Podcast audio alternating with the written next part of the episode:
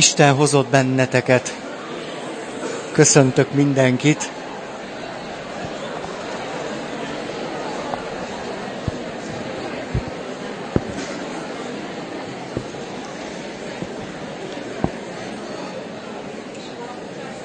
Ez az utolsó alkalom, legalábbis, legalábbis, mondom gyorsan a fontos információkat az elején, nehogy elfelejtsem a végén.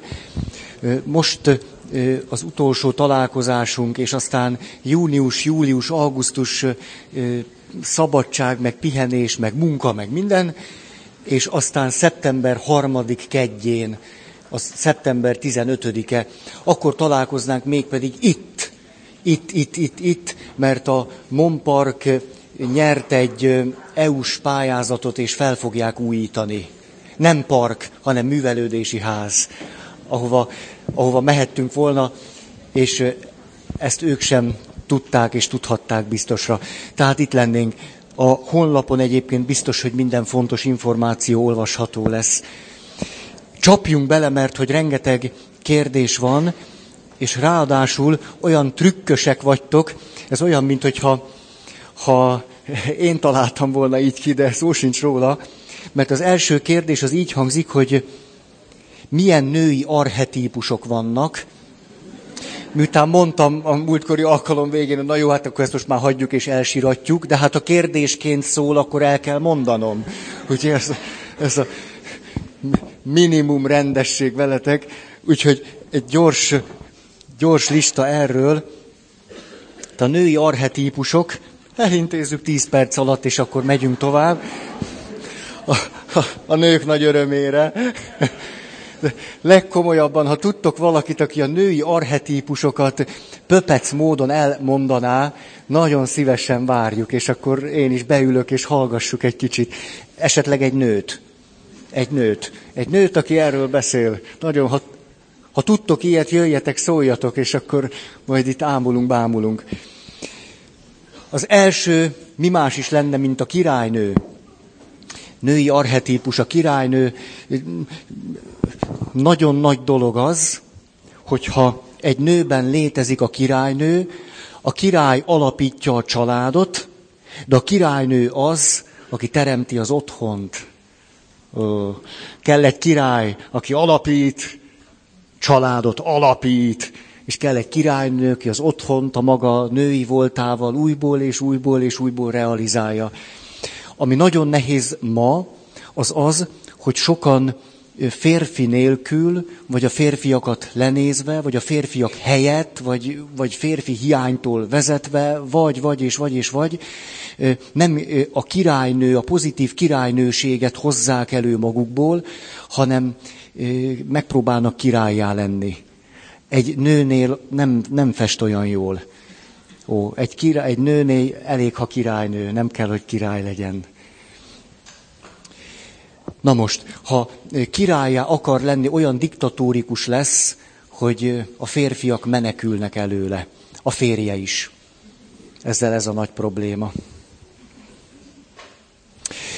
Tudjátok, erről esett szó, hogy bizony generációs átok tud lenni az, hogy a nők kimondva kimondatlanul a férfiakat megvetik.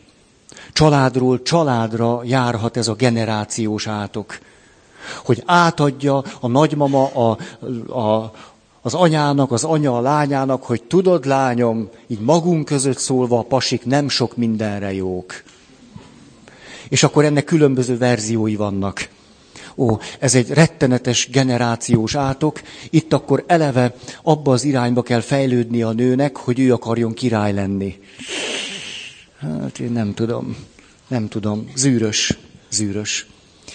Kettő, ez fog egyeseknek tetszeni, Amazon. Az Amazon, mint női arhetípus, Ma úgy tűnik, hogy az Amazont egyre másra a kultúránk megerősíti. Szívesen látja, nő legyen, ő is, ő is, ő is harcol, ő is vagány, ő is, ő is, ő is. Csak nehogy úgy maradjon. Ú, mikor 40-50 évesen egy, egy nőből árad az amazonság, rettenetesen kemény tud lenni egy nő. nagyon kemény, nagyon. A férfiak ettől is menekülnek. A férfiak sok mindentől menekülnek. Sokszor az Amazon a nőből azáltal tör elő, és erősödik meg, és aktiválódik, hogy a nőt sok sorscsapás éri. Hogy átélő az élet milyen kemény, hogy egy nő megkeményedik, ezzel együtt talán meg is erősödik, de ettől egy kicsit uh, hideg lesz, rideg lesz, merev lesz. Nem lennék a gyereke. Három. A mágus, ez nagyon érdekes. A mágus valahogy úgy lehetne elnevezni, hogy a közvetítő, a kerítő, az összekötő, az összeboronáló, az összehozó, Ugye egy nőnél ez nagyon sajátosan tud alakulni. Éppen néhány héttel ezelőtt játszottunk egy bibliodramatikus játékot, és gyönyörű szépen előjött, hogy valaki a mágus szerepét választotta, és hát olyan, olyan kerítő nő lett belőle, öröm volt nézni. Az egyik legszínesebb szerepet ő játszotta. Eljátszottuk Dávid király történetét, és a, azt, a tör, azt a pillanatot mindenképpen erőteljesen rabat, ragadtuk meg, amikor ott zuhanyzik és fürdik Uriásnak a felesége, és Dávid király pedig szerelemre gyúl, vagy micsodára. De valamire gyúl, az biztos, mert a történet nem a puszta szemléléssel ér véget, és tudjátok, valaki azt választotta, hogy ő egy szolga lesz itt Dávid király udvarában. Na hát a szolga rögtön elment a nőhöz, azt mondta, te itt van ez a király, ez egy nagyon, ez, ez, ez nagyon, ez, érdemes volna meglátogatni, nagyon most simán becserkészte, azt, na, tehát ez a kerítőnő, de itt is, hogy a férfinél sokféle lehet, ugye a bohóctól kezdve, a bohóc, a zsonglőr, a színész, a művész, az öreg bölcsig, a lelkivezetőig, a gyóntató atyáig, a misztikusig. Nyilván a nőnek is, ennek a közvetítő nőnek is nagyon sokféle típusa lehet. Ő például a barátnő. Ó, az a barátnő, aki megmutatja a barátnőjének, aki nem ugyanaz, két emberről beszélünk, hogy na tudod, ez így van, vagy na tudod, én ezt így éltem át, vagy tudod, hú, ebből nem biztos, hogy jó dolog sül ki. És akkor úgy csak elbeszélik, csak elmondják, elfecsegik, szóval a jó barátnő. Jó barátnő tud nagyon jó mágusnő lenni, közvetítő nő, de nők tudnak nagyon jó beavatók is lenni. Be tudnak avatni. Nők be tudnak avatni más nőket, és be tudnak avatni férfiakat is. Sokféleképpen. Aztán persze ismerjük a lelkivezető nőt, meg a lelki gondozó nőt.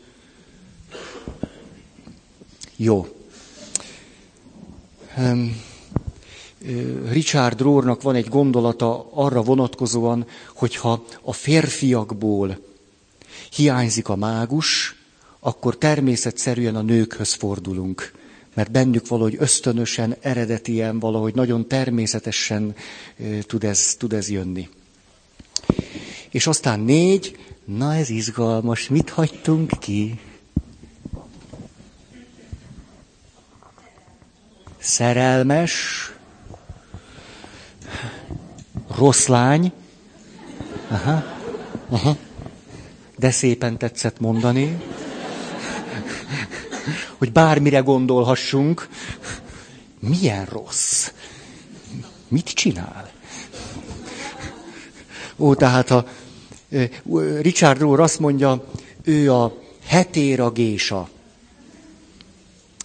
És nagyon szépeket, nagyon szépeket mond róla. Azt mondja ugye, hogy ő, ő az a nő, akiből sugárzik a nőiesség, de a nőiességnek a szépsége és eredetisége, a nőiességnek a varázsa, de ő az okos nő, az intelligens nő, ő az a nő, aki ismeri a női kultúrát, a női világnak, a nőiesnek minden csínyát, bínyát, tehát szó sincs arról, hogy csak a rossz nő, ez persze az, ha árnyék, akkor lehet, és hogyha egyoldalú árnyék, akkor lehet.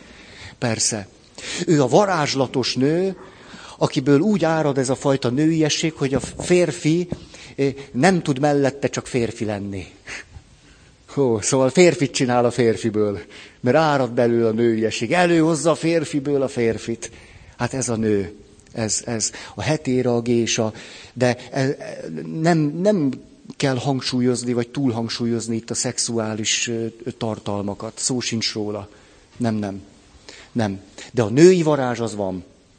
Annak mindenféle okosságával, szépségével. Igen, művelt, okos, szép érzékeny, nőies nő. Ó, ő az, aki rá tud bennünket venni, hogy azt akarjuk, amit ő. Feleségek között ismerünk ilyeneket. Nagyon jól tudjátok ezt csinálni. Igen.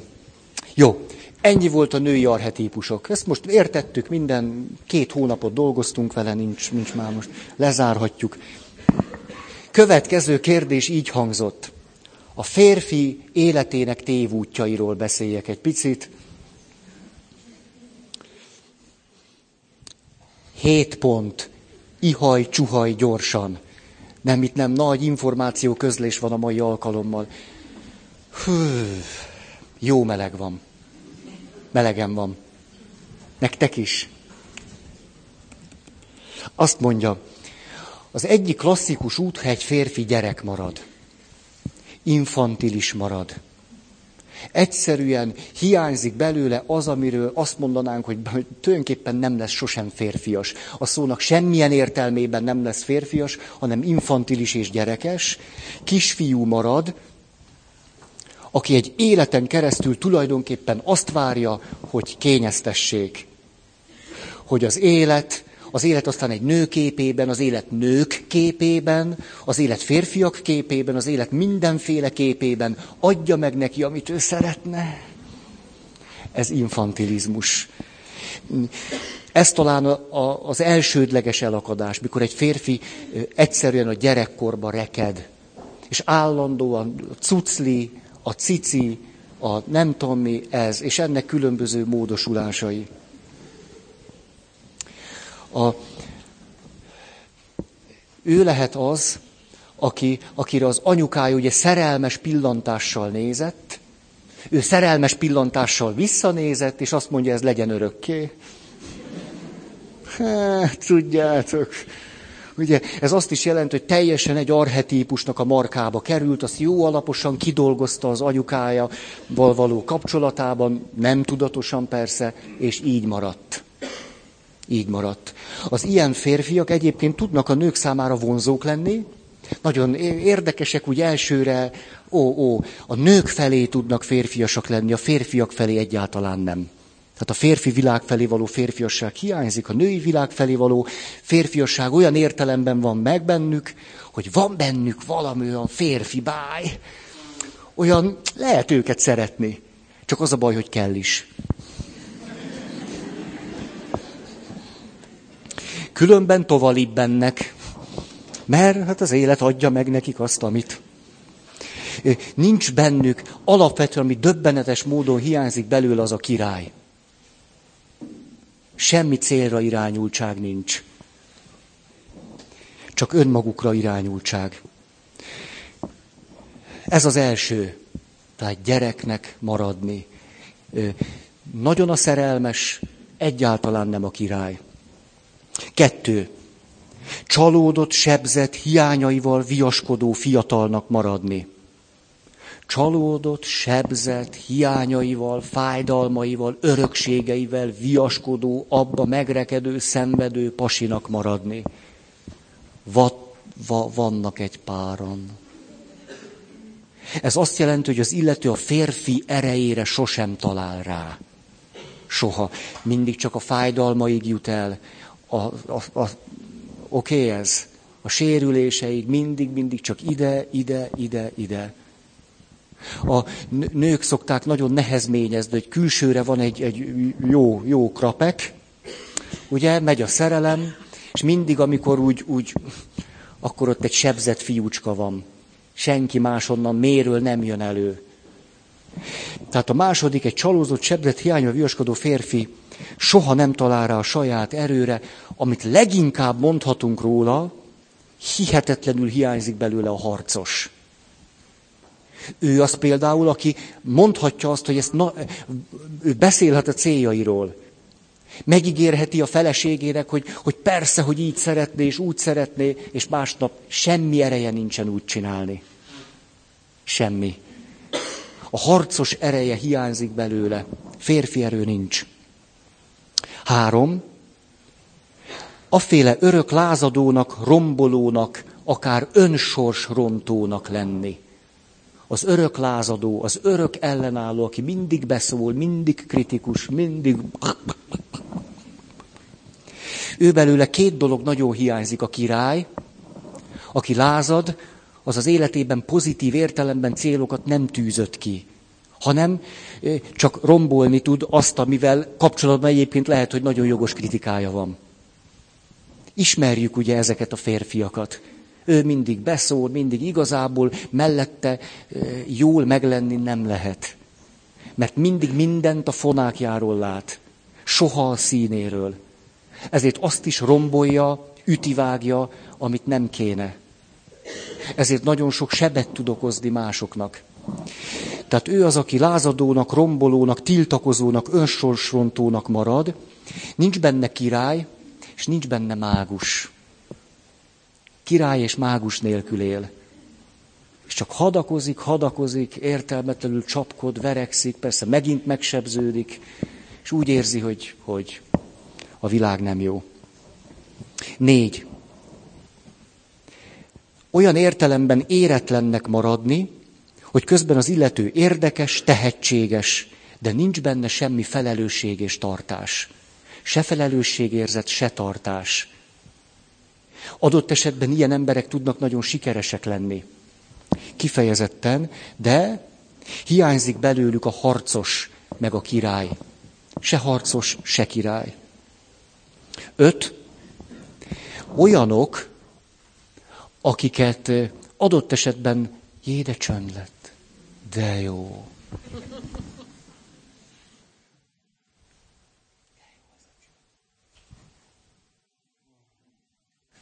Na, szóval belül sekélyesnek maradt férfi. Ő az a valaki, aki egész jól éli az életét 30-35-40 éves koráig, igen ám, de ott valaminek történnie kéne. Az egyik, kezdene már, kellene kifejlődnie egy okos bölcs királynak aki szép lassan az élet tapasztalatait kezdi összegezni, kezd elmélyülni, és kellene egyre megerősödnie és előjönnie egy mágusnak, aki már nem harcol, csak ha nagyon kell, aki már nem viaskodik, aki már nem lázad, aki nagyon pontosan tudja, hogy mit akar az életben, de nem áldozatok, hullahegyek követik az útját, tehát képes már toleránsnak is lenni, másokra is figyelni, már úgy akar előre jutni, hogy közben növekszik az ég felé. Ezt a mágus adja. Tehát vannak olyan férfiak, akik 35-40 éves korukat szeretnék élethosszig élni. Ők nem tudnak megöregedni, nem tudnak, hát szóval csúnya öregség vár rájuk. Belül, belül a mélység hiányzik. Ugye egy 30 éves fiúból hiányzik a mélység, az még egész jól el van. Meg vele is egész jól el lehet lenni. Ha egy 50-60 éves férfiből hiányoznak a mélységek meg a magasságok, hát az már ajjajjajjaj. Tehát ő belőle rettenetes módon hiányzik a mágus. Mágus. Hatos. Megkeseredett, kiábrándult, cinikus, magának való férfi. Szent bölcsesség hiányával és anélkül, belül a király és a mágus hiányzik, vagy a király és a szerelmes hiányzik. Ha valaki férfiként, ahogy az életőt újból és újból megsebezte, elfelejti az életet szépnek látni, elvesztette magából a szerelmest. Látunk férfiakat, akikben a szerelmes utoljára húsz évesen volt meg. 30 évesen még nyomok, 40 évesen már csak meló, és akkor 50-60 évesen semmi. Az életnek a szépségét teljességgel elveszítették. Ilyen keserűek lettek magának, maguknak valók, és a többi. Tehát itt a király és mágus nélkül, vagy király és szerelmes nélkül. Hetes, a férfi, aki végleg behódol annak, amit a világ vár tőle. Aki ilyen értelemben elveszti magát, behódol a világnak, és lemond a saját életéről. Ő belőle a szerelmes hiányzik. Nem gyúlő szerelemre semmi iránt, hanem azt mondja, ilyet nem szabad csinálni, mert még mások a fejünkre koppintanak. Ő lesz hivatalnok, ő lesz a tíri Nem él tulajdonképpen saját életet, mert a saját élethez mindig kell egy szerelmes. Aki azt mondja bennünk, hogy na ezt. Nem az, hogy ezt neked, ezt. Ezt nekem. Ez. Enélkül, ajjaj. Ez volt a hét zsákutca. Látjátok, vannak olyan zsákutcák, amik 40-50-60 éves korban érik a férfit. Addig egész jónak tűnnek a dolgok. Ott azonban valami kisiklik. Na most akkor jönnek a kérdések. Ezek is azok voltak. Nem ezek válaszok voltak. Ó, jött két kérdés megkésve. Mit szólnak a püspök urak ahhoz, ha egy olyan szufit idézel, aki megélte az én és az atya egy vagyunk élményt? Nem tudnak róla. Igen. Ezért nem tudnak mit szólni hozzá. Második kérdés. Hát, hát, hát kérdezz, ne, onnan tudja, hát az vagyok, vagy nem tudom, ezt nem is értem. A, a szer... De értem a kérdést, csak annyira váratlanul ért, nem tudok rá semmit A szerelem hogy függ össze a következmények vállalásával? Ki írta?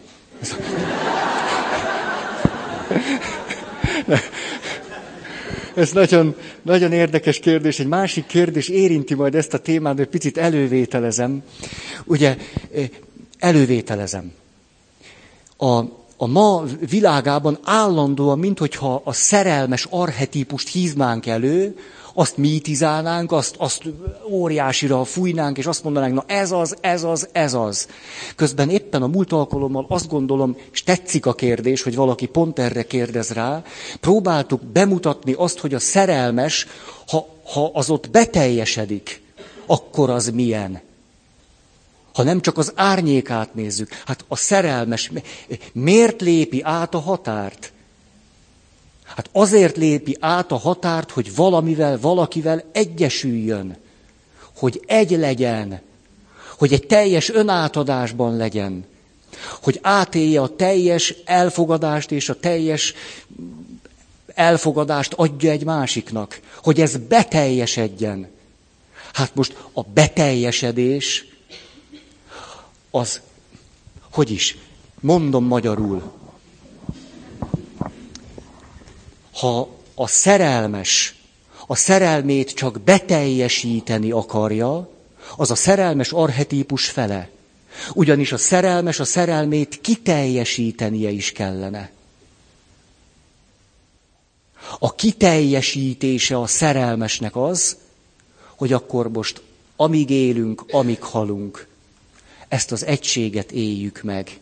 Tüzön, vizen, száz évig. Az az egységnek, a beteljesülésnek a kiteljesítése. Ma teljesen el vagyunk van, beteljesedni, beteljesedni, beteljesedni. Hol marad a kiteljesedés? Sehol. Ez nagyon nagy kultúrprobléma. A szerelmesnek a felét látjuk. Még csak arról sincsen manapság szó, hogy a szerelmesnek az egészét látnánk, csak nem társítanánk a királlyal, a harcossal, meg a mágussal.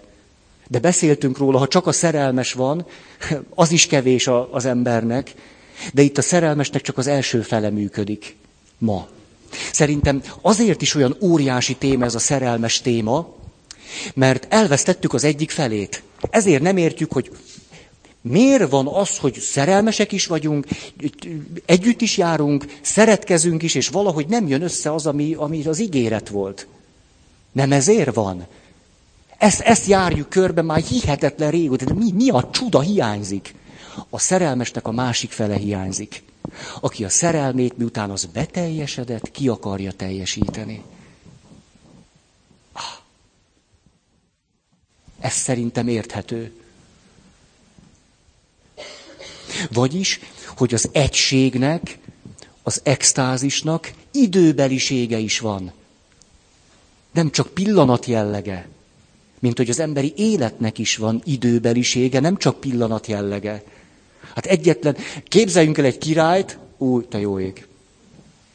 Képzeljünk el egy királyt, vállalja egy napig. Hát gratulálunk. Ilyet pénzért szoktak vállalni. A királyi fizetésért. Ugye, egyszer király volt, akkor már kapja a nagy lóvét.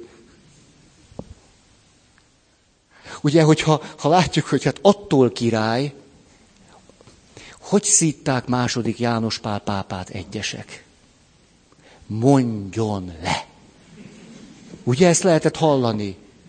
Milyen gyönyörű volt az. Ugyan azt mondta, ember vagyok betegen is. Lehet, hogy a király öregszik. Lehet, hogy a király meggörnyed, és lehet, hogy a király egyre betegebbé válik. Király marad.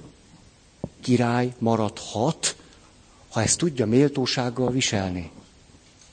Ezért, na, meglátásom szerint második János Pál pápa megmutatta azt milyen, hogy a királyság nem csak addig tart, ameddig, hanem időben.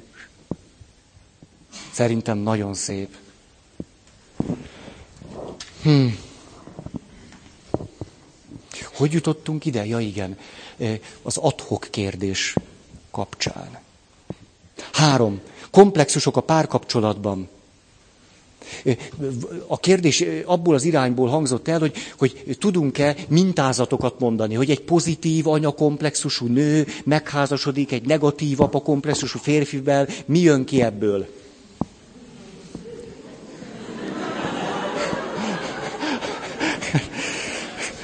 Most a, a példa egyébként az volt, hogy egy ne, ne,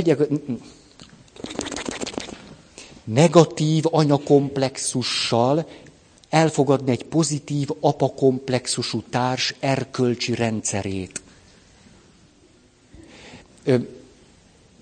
Ez oké, okay, kevés az információ.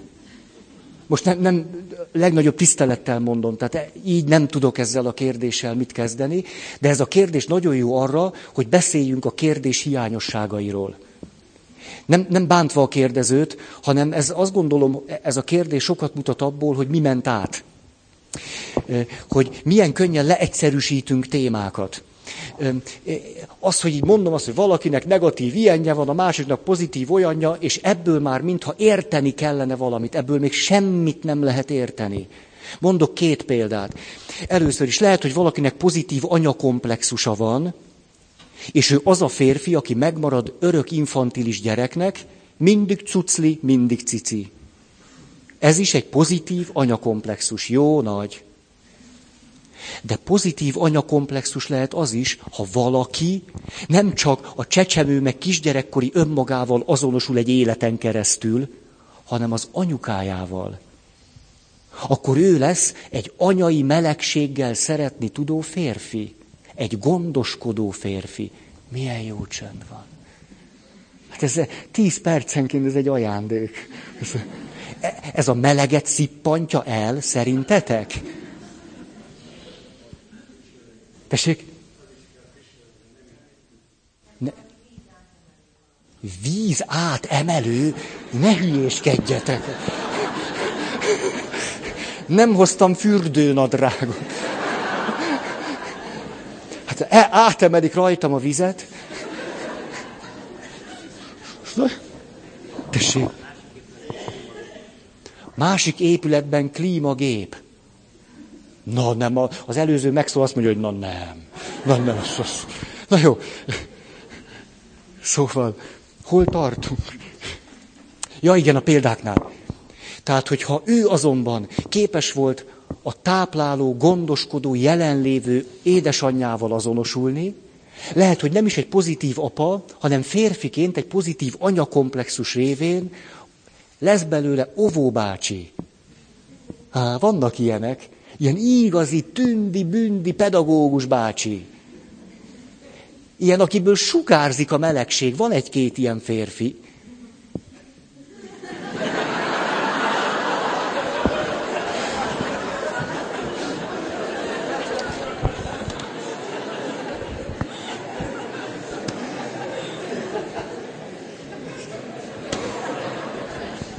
Help! Ez, ez annyira szörnyű, tehát vannak, vannak szá... Áj, de nehéz a dolgom. Mindig figyelni kell. Tényleg annyira jó lenne, hogyha szavakat lehetne egyszerűen használni, de nem lehet az, nem. Ez nem. Hú, ez egy példa. Tehát látjátok, hát egész, egész más akkor az erkölcsiség, az, az élethez való hozzáállása valami totálisan más lesz. Ha ez a tényező különbözik. Mondanék egy másik példát. Mondjuk pozitív apakomplexusú nő. Itt három verziót is mondok. Hát a tudós nő is pozitív apakomplexusú nő lehet, ugye? De egy olyan, olyan valaki, akinek az apja nagyon fontos számára, de az apja vagy negatív anyakomplexusú volt, vagy pedig valami miatt nem volt kellőképpen elérhető. Ilyenkor a, a férfi varázs nem a személyes jellegével jön, hanem az elvont jellegével. Akkor bele lehet szeretni az elvont férfi dolgokba, ezért a nő tudós lesz. Kevés szexuális varázsal az, az is pozitív apakomplexus. De pozitív apakomplexus tud lenni egy olyan nő, aki térül, fordul, meg a férfiak is utána. Ugye sugárzik belőle a nőiesség. Miért? Mert az apukája tudott olyan szemekkel nézni rá, hogy te vagy a legszebb nő a világon. Hát az anyám után, vagy anyád után, vagy... De ez már elég akkor kialakul egy varázs, ú, ú, ő is pozitív anyakomplexusú, de tegyünk hozzá egy másikat, csak egyetlen dolgot még tegyünk hozzá. Képzeljük el, hogy ez, ennek a nőnek nem csak pozitív apakomplexusa, hanem viszonylag tisztességes pozitív anyakomplexusa is van. Ebben az esetben ő egy sok gyerekes anyuka lesz. Plö.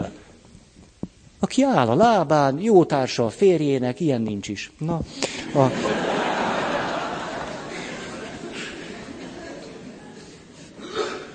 hogy ne lenne idővel. Feri, pedig még van, ú, még mennyi, még mennyi hülyeséget mondhatok ma.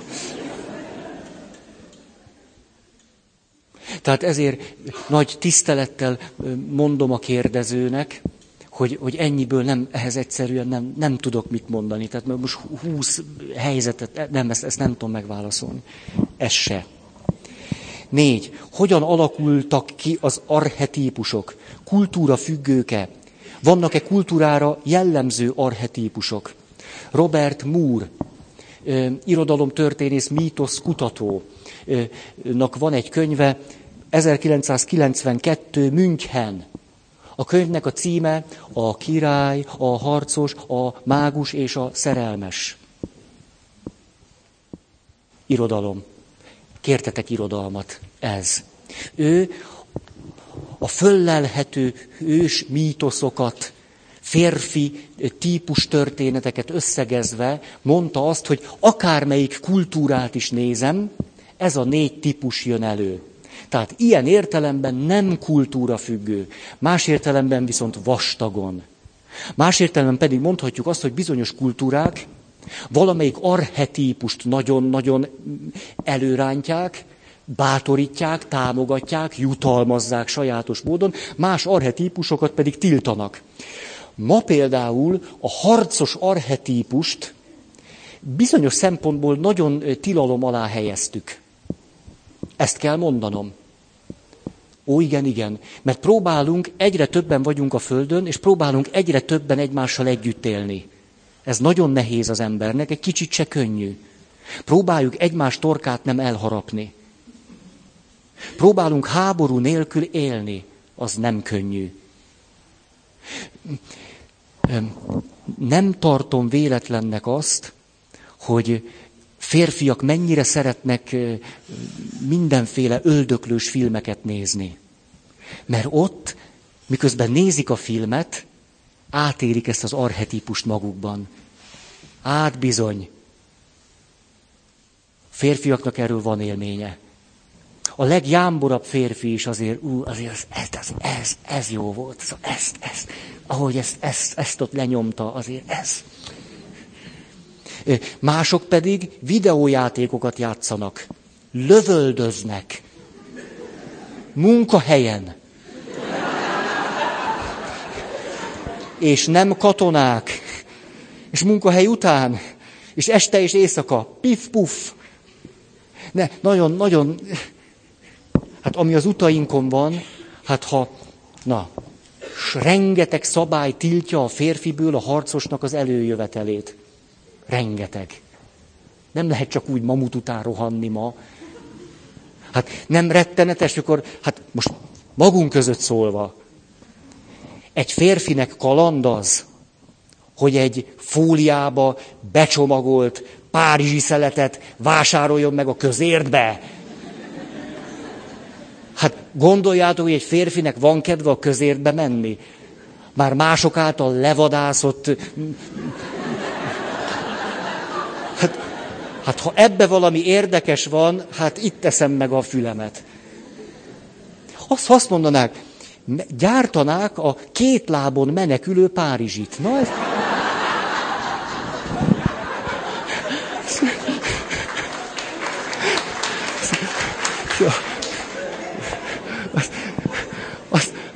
de kezd ez érdekelni, tehát itt egy kicsit meg is, meg is az sokkal izgalmasabb. Tehát férfiaknak olyan boltokat kéne, ahol az áruk menekülnek.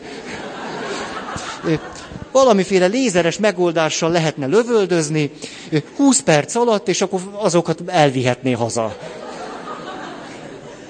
Tudja, hogy a férfiak vásárolnának. Jaj, erről eszembe jutott egy vicc. Jaj, ezt, ezt nem akartam elmondani, meg meg olyan világban élünk, hogy már egy, egy picit olyan viccet se lehet elmondani, úgyhogy elmondom. A, a vicc arról szól, régi vicc, régi, régi, mindegy. A, a, a történet arról szól, hogy a um, virsli um, szalad Bukerest utcáin. Ismeritek? Hogy ez, nem, nem a poénon nevettek, hogy jaj, ez egy jó vicc. Nem? Tehát a, a virsi szalad Bukarest utcáin egyre gyorsabban szalad, mert az emberek üldözik. Hát ésség van, virsli pedig csak egy virsli, ezért az emberek egyre másra üldöznek, és néha majdnem el is csípik a kis farkincáját, de aztán valahogy mégis elilal, elszökel, és teljesen ki van már, csorog róla a víz. Virslilé, és hát persze, hogy egyre többen üldözik szegény virslit, és hát mit tehetne?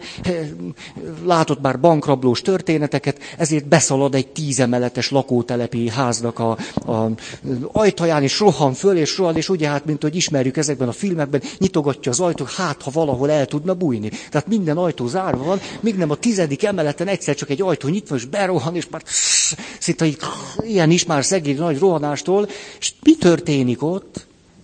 A téli szalámi ül, így szivarozik. Hát és a virsli van benne, hogy mondjam, virsli barátság, vagy ilyen húsi testvériség, és a, azt mondja, te szalámi, te szalámi. Tehát írgalmatlan mennyiségű bukaresti állampolgár üldöz engem, te ne hülyéskedj, már itt meneküljünk. Mire a téli szalámi rezzenéstelen arccal tovább pöfékel, és azt mondja, te, engem itt nem ismernek.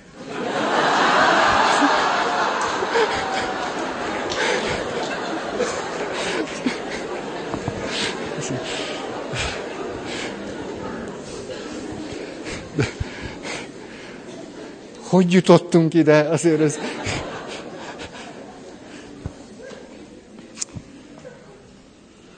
Hogy alakulnak ki az arhetípusok?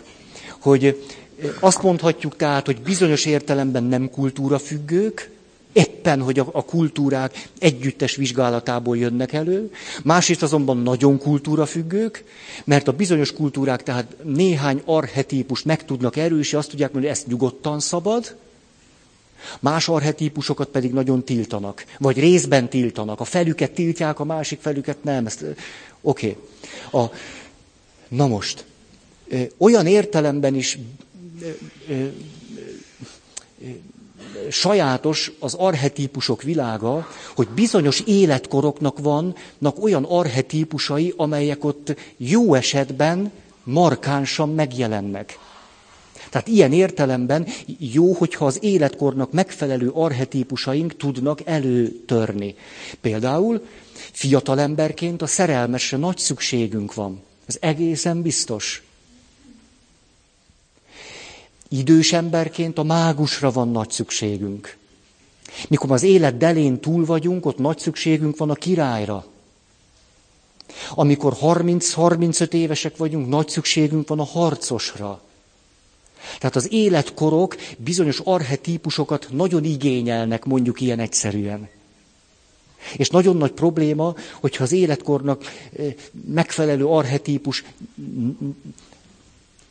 hogyan alakulnak ki az arhetípusok? Az arhetípusokat őrizzük a pszichénkben, örököljük őket, hozzuk, hozzuk, hozzuk.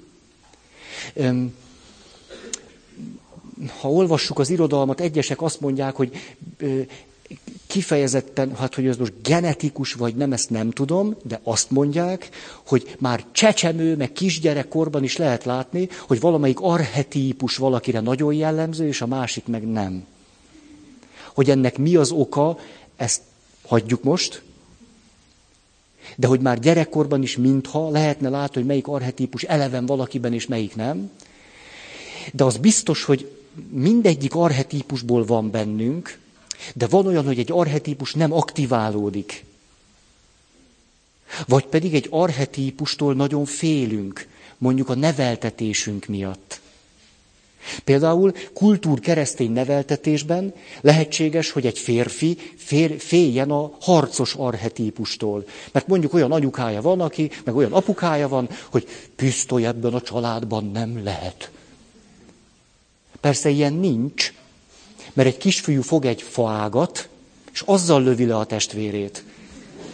Ha normális. És a harcos arhetípus mégiscsak ott van. Hát egy kisfiú ne főzőcskézzen. Én nem, nem, ne, ne, ne, lövöldözzék. Ez teljesen rendjén van. Milyen kerítő férfi? Kerítő férfi is van. Ez, akkor megnyugodtam. Jó, könnyű akkor. Ez, ez jó. Tehát még egy dolog, hogy ezért lehetséges az, hogy egy, egy arhetípust előhívjunk magunkból. Hogy egy kérdés vonatkozik erre, hogy most az lenne a jó, hogyha egynegyed, egynegyed, egynegyed, egynegyed alakban lennének meg. Nem, nem. Az lenne jó, hogyha az életkornak, személyiségünknek megfelelő arhetípusok elevenek tudnának lenni, de olyan nem lenne, hogy egyik arhetípus sem jut szóhoz. Richard Rohr egyenesen azt mondja, ha valamelyik arhetípust hiányoljuk, nincs meg, akkor a többi arhetípus általában a sötét irányba kezd el fejlődni. Tehát szükségünk van mind a négy arhetípusra. Ugye, ha a király, na nem, nem, nem ragozom, mert el, hú, hát elmegy az összes idő.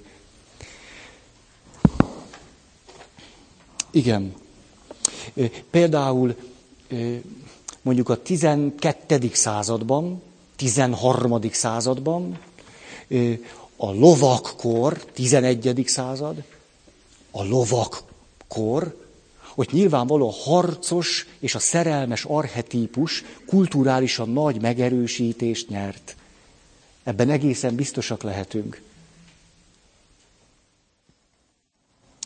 Igen. Mm. Lehet-e fejleszteni? Hogyne? Hát hogy ne lehetne? Hogyan lehetne? Na hát ez már nehéz.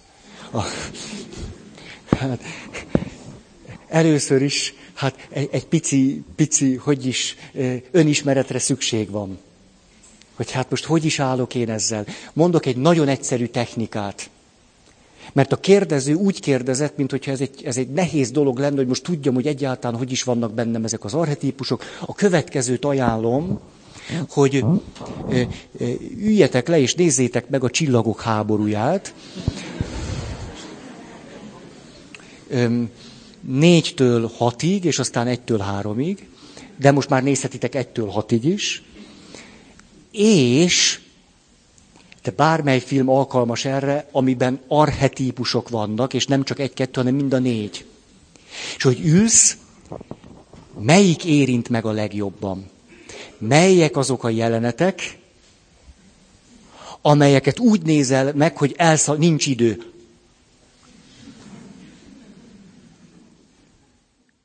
Ezzel nagyon jól meg tudod nézni, melyik az, ami le tud téged egy pillanat alatt nyűgözni.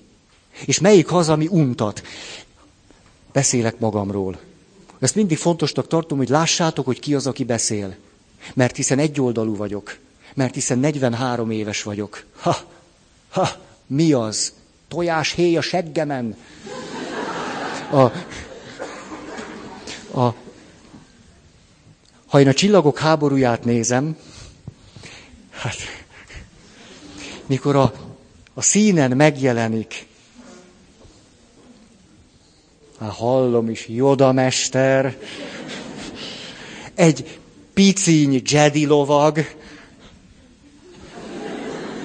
az biztos, hogy nekem elment az idő.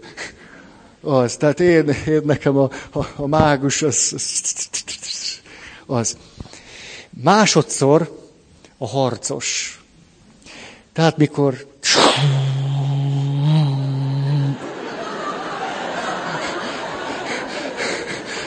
Na azért ez még bejön. Tehát ez, ez, ez nagyon, ez, még ezt hajlandó vagyok visszatekerni is. Tehát, hogy védte ki? Hogy, hogy is volt ez? Hogy? Hú, ez nagyon bejön. Tehát én nagyon a, a harcos arhetípusban szocializálódtam a sport miatt. Hat éves koromtól 23 éves koromig, ugye, ott haraplak el, a legvastagabb vagy. Ugye ez a sport. Má, nekem. És a... Tehát mágus, a, a mágus is családtörténet. Persze, mert ú, de most már ebben nem akarok beleszaladni. Persze, közvetíteni anya, apa, tödödöm, dödödöm, szülősítés. A, tehát mágus harcos. Maradt kettő.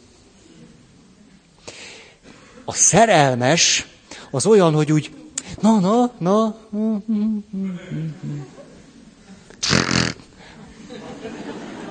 Joda mesterig.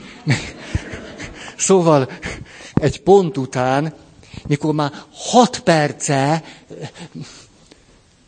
szeretlek én is. Pár percig ez oké, de már hat perc, hét perc, akkor egy kicsit szoktam tekerni. Tehát jó, jó, ezt, ezt ér. Tehát ott, ott azért már... Azt mondhatnám a saját életemre nézve, hogy van bennem egy nem tilalom alatt álló szerelmes, tehát, hogy a, a szerelmes arhetípus tud bennem élni, természetesen egy harcos és egy király, meg egy mágus sokat segít nekem. Nincs tilalom alatt. De azt sem mondanám, hogy, hogy a király. Tehát például, amikor a szenátus ülésezik, hát az, Hát nincs az a, az a szenátor, aki olyat tud mondani, ami különösebben izgatna. Jó van, jó van, jó van, jó. Szóval úgy sejtem, hogy a királynak bizonyos részeivel jóban vagyok, bizonyos részei még nem elég fejlettek. Azt is mondhatnám, fejletlenek. De még van egy kis időm, remélem. Tehát ülj le, nézd meg a csillagok háborúját, vagy egyéb filmeket, ami elég arhetipikus, és rögtön meg tudod mondani, hogy, hogy mi van veled. És a cél, hogy erősítsd a gyönge oldalaidat. Főleg akkor, ha az élet problémáid a, a nem eléggé aktív arhetipussal függnek össze. Tehát például egy, egy 20 valahány éves férfi embernek nem biztos, hogy a mágust minden áron erőltetnie kell. De egy 60 évesnek érdemes volna megbarátkozni már vele. Még egy, hogy hogyan, hogy hogyan. Valaki azt mondta, Feri, mutasd meg a reggeli tornádat. Még egyszer. Most akkor megmutatnám, hogy a négy arhetípust hogyan lehet egy-egy mozdulatban gyakorolni. Ezt megmutatnám. A sorrend, a szokásos sorrendünk lesz, tehát a királlyal kezdem. Harcos, mágus, szerelmes. Reggelente az alapállásomat mindig megkeresem, mert a király bennem a leggyöngébb. Alapállás, kis terpezben vagy. És a lényeg, hogy már ne legyen benned feszültség. Se a lábad, se a térded, se a hátad, se a vállad, se a nyakad, se az arcizmod. Ez a király. Nem túl látványos, tehát nem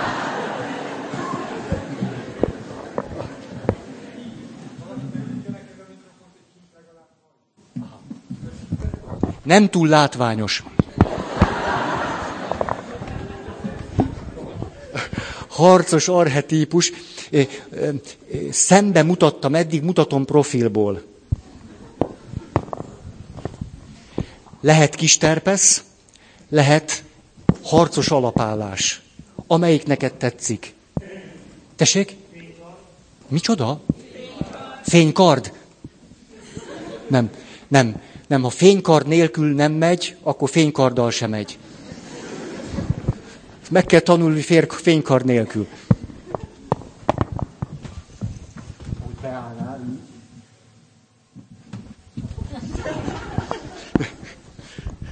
Jaj, nem már, hát ne. Ez...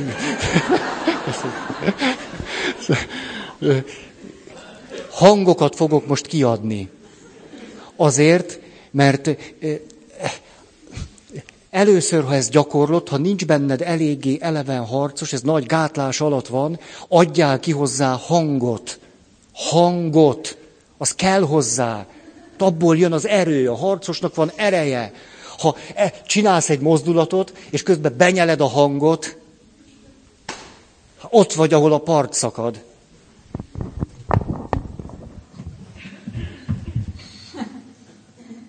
Ah! Otthon reggel.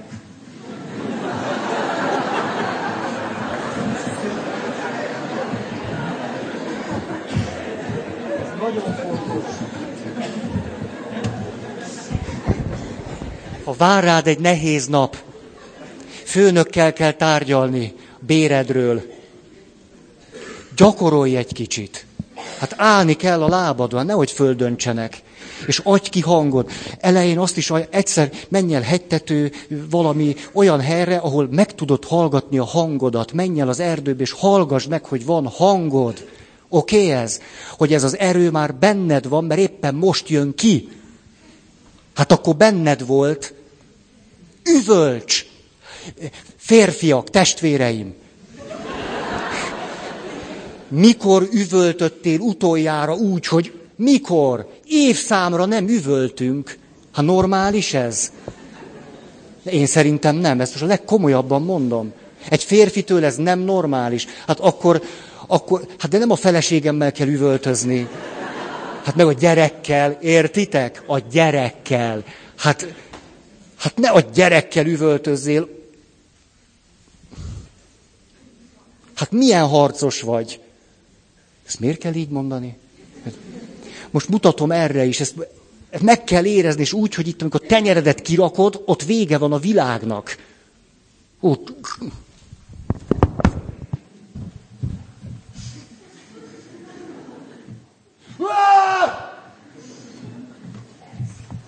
Megvan? Hallottátok? Nem volt.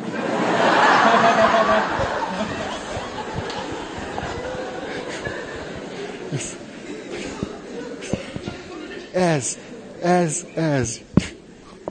Ja, még ma van kettő, de hát ezek után látjátok, már mentem volna tovább. Jó, szerelmes, meg mi...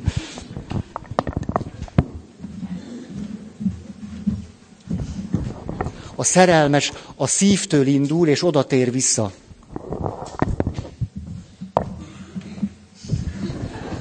De a mágus jön. Hát ez a, mondtuk, a sorrend, tehát a Feri. Na, a király szólt, hogy Feri, sorrend. Tehát a mágus.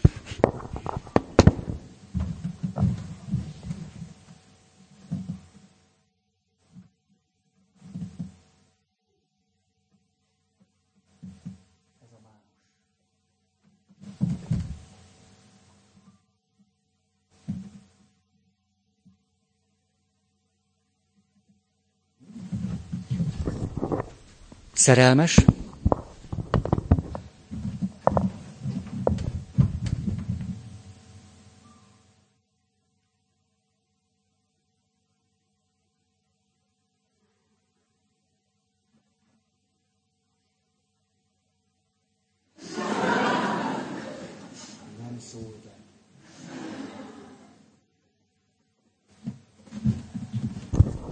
Nagyon fontos, hogy a mozdulatnak két része van, nem csak ez, hanem ez is. Ez nagyon fontos, de ennek a hátteréről már beszéltünk.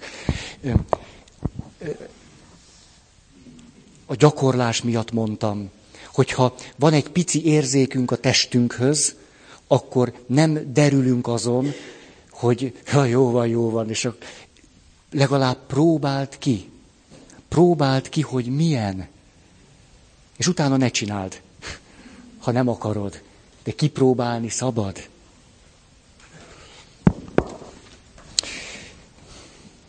Hogy áll? Tessék? Hogy? Mágusnak a hangulati háttere? Gondolati háttere? A mozdulatban nincs gondolati háttér, csak mozdulat van.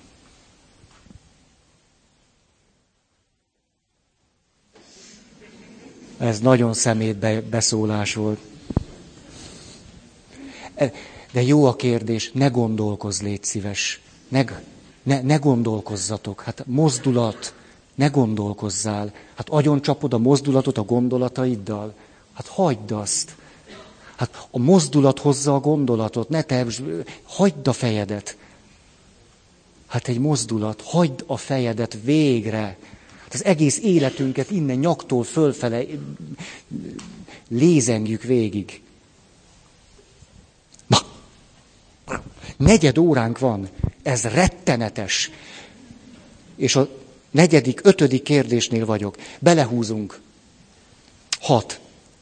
Említetted a jó orvos öt tulajdonságát, szerepszemélyiségét, de nem fejtetted ki. Nem is akartam. De azért elmondom. Személyes varázsjal bíró sámán, látó. Úgy, olyan zseniális diagnoszta. Vannak olyan belgyógyászok, az egyiknek megy, a másiknak nem. Azután nyugodt és türelmes anya. Elemző és egybenlátó tudós, fegyelmezett és etikus apa, és végül áldozatos önmagát gyógyító táplálékul adó pap. Ilyen a jó orvos.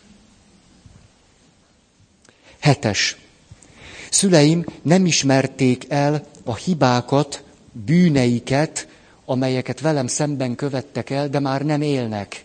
És én nagyon vágynék elégtételre, vagy bocsánatkérésre, vagy valamiféle jóvátételre, de hát már nem élnek. Mit lehet tenni? Az egyik, a szüleinknek a képe bennünk él. Ezért a szüleinkkel itt bent lehet tovább beszélgetni. Lehet és lehet és lehet. Ezt nagyon fontosnak tartom. Természetesen aztán ennek különböző technikái vannak, lehetőségei, hogy hogyan folytathatunk a szüleinkkel beszélgetést. Ebben nem akarok belemenni, de ebből a szempontból nem, hogy is fejezzem ezt ki, hogy nem lehetetlenség a már eltávozott szüleinkkel való kapcsolatunkat javítani és gyógyítani. Mert bennünk elevenen élnek ők, ezért eleven a kapcsolat itt bent velük. A másik, amit nagyon gyakran hangsúlyoztam, minél jobban meg kellene értenünk, hogy a szüleink miért azok, akik. A szüleink szülei és a szüleink nagyszülei életét kellene valahogy minél jobban ismerni, föltárni. Ha azt mondod, hogy fogalmam sincs, hogy ez hogy volt, akkor sem kell megállnod, akkor kérdezd meg magadtól, hogy mit gondolok, mi jön belőlem úgy teljesen spontán, hogy mit gondolok, hogy mitől ilyen. Akkor hagyatkozz a fantáziádra. Nem kell tudni, hogy az pont úgy történt-e, elég, hogy neked van egy, egy, egy intuíciót, hogy talán így, és nem is kell, hogy igaz legyen.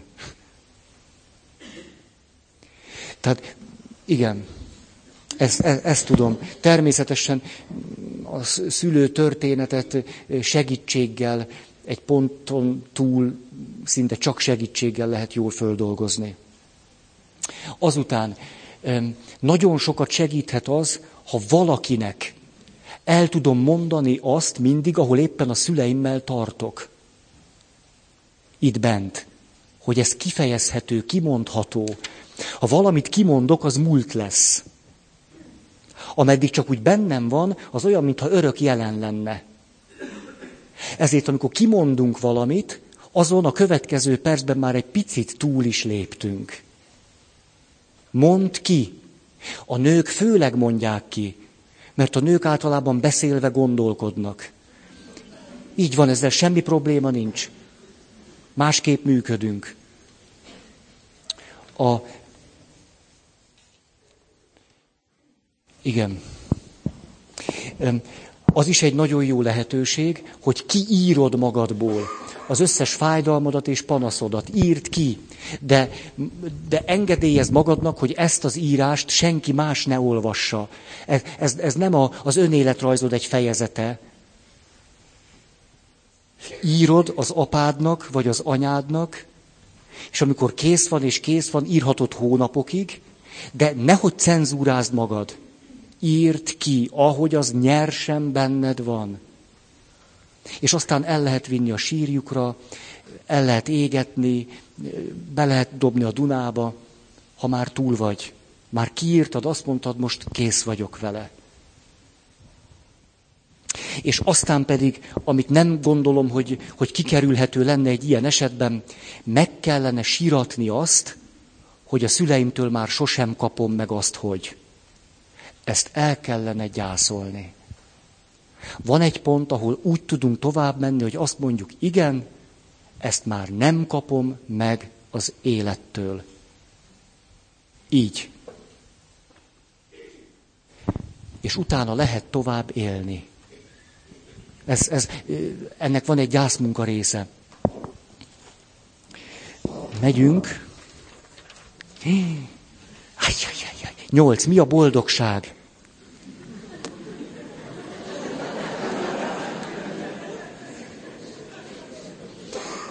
Nem kérdezni, nem gondolkodni, élni. Mi az öröm és a boldogság közti különbség? Hát akkor csak nagyon, az öröm az egy érzés. Egy viszonylag egyszerű valami mi bennünk, viszonylag. A boldogság az egy érzelem, kapcsolódik hozzá egy lelki állapot. A boldogság sokkal árnyaltabb valami, és azért, mert nem érzés, hanem érzelem, emiatt a boldogságnak mindig van gondolati része, beállítódás része. A boldogsághoz mindig társul valamilyen, valamilyen attitűd is. Az örömhöz nem. Az örömöt pif úgy átélem. Az öröm az jöhet, mehet. Az, egy sokkal ösztönösebb, sokkal inkább a, a testünkhöz kapcsolódó valami. A boldogság nem. Ezért van az, hogy valaki sokkal kevesebbet kap az élettől, és mégis boldog a másik sokkal többet kap, és boldogtalan. Tehát a boldogság egy sokkal árnyaltabb történet. Ebből a szempontból boldognak lenni meg kell tanulni. Tanulás kérdése, gondolkodás, szemlélet kérdése, életvezetés kérdése, személyiség kérdése is. Az öröm nem. Nagyon extrém helyzetek, tehát ha valaki depressziós, akkor világos, hogy ne várja. hát talán ez így, a, a boldogságunk egyébként egyrészt nagyon kapcsolódik ahhoz, hogy valamit önfeledten tudunk tenni, önfeledten benne tudunk lenni, és anélkül, hogy gondolkodnánk, tudjuk, hogy ez jó. Vagyis nem tudjuk, hogy jó, csak csináljuk, és hogy csináljuk, ez teljesen be tud bennünket tölteni. A másik, amikor a létezésnek egy olyan élményét éljük át, hogy ennek most minden különösebb gondolkozás nélkül van értelme. Már hogy vagyok. Amikor ezt át tudom élni, akkor ezt én társítom a boldogsághoz. A nélkül tudom, hogy az életem értelmes, hogy most megfogalmaznám, vagy az eszembe jutna, hogy az életemnek most van értelme. Akkor boldog vagyok. Nyilván hát ez, ezek ilyen szilánkok csak. Kilenc. Lehet-e valaki boldog és szomorú egy időben? Igen. Lehet. Ugye a boldogság egy sajátos, lehet, lehet, a szomorúság pedig egy érzés. Egy érzés, a boldogság érzelem, lehet. Már szerintem. Aha. Kosztolányi boldog szomorú dal. Házasság előtti szexuális élet, papi nőtlenség hol van a Szentírásban?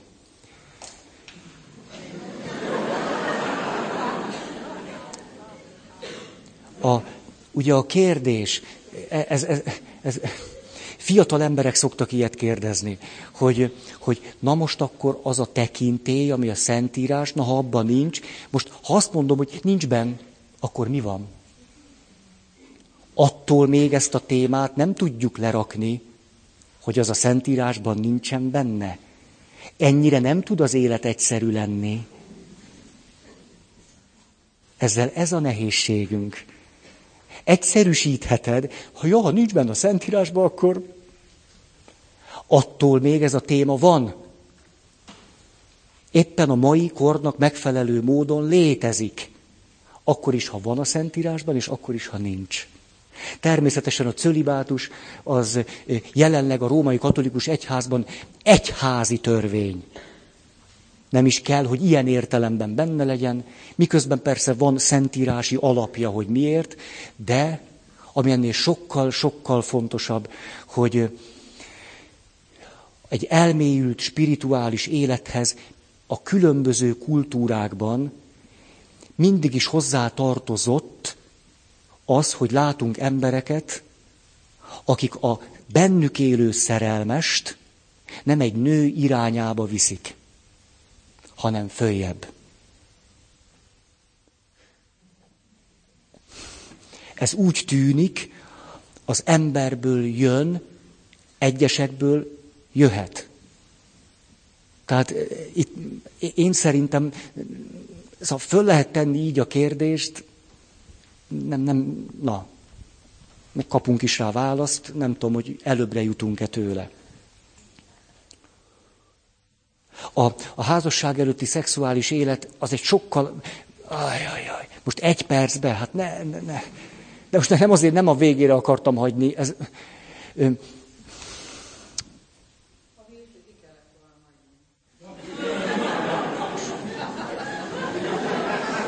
Hallottátok? a virslinél buktuk be. Akkor jövőre erről árnyaltabban fogok beszélni. Ez. De a múlt alkalommal beszéltünk a szerelmes arhetípusról. Nem volt elég. Nem jutott el.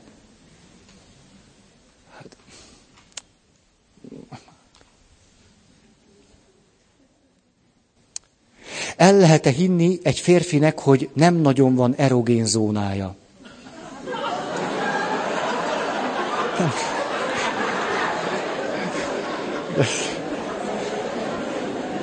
De milyenek vagytok? Hát, hát itt ül, aki kérdezte. Hát, de most komolyan teszem, most ne, nem már, hát valami kis... Ez egy nagyon... Ehhez nem értek. Hát nem, de most legkomolyabb, ezt, ezt nem értem. Hát most gondolkodtam ezen nagyon, hogy, hogy ez, most, ez most nem tudom én, szexuális zavar, Tehát ha valaki ilyet mond, vagy, vagy ezt mondja, most egy szexuális zavarnak egy, egy valamilyen kimondása, ezt el tudom képzelni. A kapcsolati problémának is el tudom képzelni. Tehát, hogy ott, ott az a férfi, meg az a nő nem, nem passzolnak, és ezért ezt is el tudom képzelni. Személyiség zavarnak is el tudom képzelni. Valamilyen ö, pszichokémiai befolyástak is el tudom képzelni. Ne, ne, ne, ezt nem tudom. Hát nem tudom. Hát, de hát valami zavar biztos, hogy kell, hogy legyen. Tehát, e, ezt sejtem. Nem, nem, nem tudok. Igen, véleményed a homoszexualitásról, hát erről sokat beszéltünk. Érdemes volna azt az előadást meghallgatni. A fő motívumai, úgy tekintek a homoszexuális életútra, hogy annak a hátterében egy szociopszichoszexuális fejlődési sajátosság áll, ami a normálistól, a normálistól és a nemi jellegtől eltérő módon történik. Elég árnyalt voltam? Ez azt jelenti, hogy nem genetikus, ezt tudjuk, hogy nem genetikus. Nem. Ez, ez nem. Nem. Fő motívumok a férfi számára nincsen elérhető apa, vagy nincs érzelmileg elérhető apa, vagy nincs olyan apa, vagy apa figura, akivel azonosulni lehetne. Tehát lehet, hogy elérhet, nem lehet vele azonosulni. Állt, ez a legerősebb pont. Nincs apa, nem, nem lehet, nem tud átmenni az apa világába. Ehhez szokott hozzájárulni az, hogy esetleg van egy erős anyafigura, ehhez tud hozzájárulni az, hogy a kisfiú egész kiskorától kezdve kislányokkal jobban érti meg magát, tehát esetleg olyan nevelés, amiben a, a férfias, harcias dolgok tilalma van, és nagyon jámbornak, kedvesnek, aranyosnak kell lenni, vagy túl sok a félelem, túl sok a szorongás, és az van megerősítés alatt, illetve mindenféle szerencsétlen behatás. Tehát kisfiúkorban, serdülőkorban szexuális bántalmazás lehet negatív, vagy pedig fontos személy részéről szexuális közeledés, fontos férfi részéről.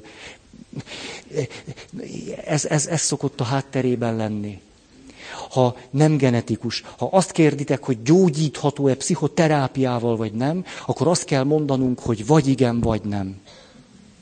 A probléma az vele, hogyha nagyon korai, és, nagyon megerősített, és nagyon-nagyon-nagyon, akkor, hát akkor, akkor olyan mértékben ment el egy átlagos úttól, tik-tik-tik-tik, hogy, hogy nagyon nehezen hozható vissza. Tehát vagy gyógyítható, vagy nem. Ezt kell, ezt kell rá mondani. De sokkal nagyobb eséllyel gyógyítható, mint ahogy azt ma mondják, hogy gyógyítható. Mert a kérdező azt is mondta, próbáltam menni terápiára, de ott csak megerősödtem benne. Sajnos ugye az ma egy trend, hogy ha, ha ezt éled meg magadban, vagy ezt érzed, akkor azonosulj vele, és akkor végre egységre jutsz magaddal. Ez egy tulajdonképpen egy hát egy ilyen munkahipotézis a, a, a segítő részéről. Nem értek vele egyet. Nem gondolom, hogy ezzel a hozzáállással kellene, kellene neki, neki látni. Tehát, na, itt egy, egy, egy e-mail címet majd szívesen megadok. www.dij és g betű, pont de. Ez az egyetlen olyan ö, német országban működő ö, pszichoterápiás intézetnek az elérhetősége, ahol kizárólag homoszexualitással ö, ö, élő, annak a problémáját átélő kliensekkel foglalkoznak. A leg, legnagyobb háttere, itt van még egyszer mondom a címet, www.dijg, díj, és aztán egy G betű. Pont de. Ez, ez a legtöbb. 13. Van-e kiút a szenvedély, Hí, elment az idő. Van-e kiút a szenvedély betegségből, vagy van, vagy nincs, anonim alkoholisták, a, a spiritualitás és transzcendencia nélkül sokkal kevésbé. Tehát azzal a nélkül sokkal kevésbé, azzal sokkal több eséllyel. Annyira sérült lehet az én, hogy muszáj az ént fölülmúlni. A sérült ént fölülmúlni. Ezért a spiritualitásnak van óriási gyógyító ereje a szenvedélybetegséggel kapcsolatban, függéssel. Két könyv, Gerard May, Függőség és kegyelem. Elizabeth Lucasnak most jelent meg egy könyve ezzel kapcsolatban. Jelkiadó tizedik kötete az élet és egzisztencia sorozatnak. Mivel lehetne segíteni a papképzésen? Ugrunk. Most lehet tényleg lejárt az idő, majd lehet-e pap után menni, ha papot elhelyezik? Lehet. Mert múltkor mondtam, hogy na-na-na-na, ha valaki éppen nagyon a megtérés fázisában van, és nagyon kell neki még kötődni a pap személyéhez, akkor menjen a pap után. De idővel váljon le. Mikor lesz szó a családállításról, nem tudom. Ezek voltak. Szeretném egy viccel zárni a személyiség születése, én, én önmagamra találás, kapcsolat. A következő kopogtatnak az ajtón. Ki az, kérdi a bent lévő. Tamás vagyok. Hát Tamás én vagyok. Jó, nem baj?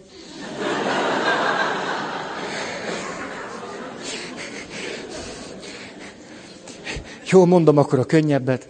A kisfiúsz halad az utcán, megy a rendőr, rendőr bácsi, rendőr bácsi. Az édesapám megölte magát. Engem?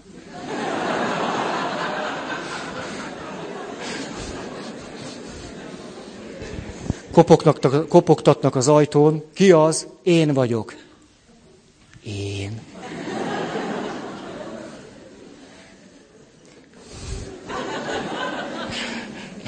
Hát ezeket muszáj volt. Hát én hosszú hónapok óta gyűjtöttem.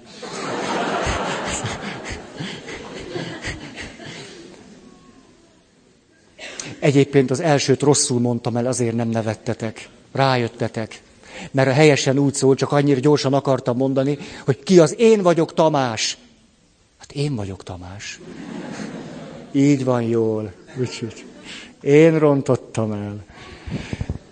Nagyon köszönöm a figyelmeteket, akkor tehát itt, harmadik szeptember kedjén, meg minden.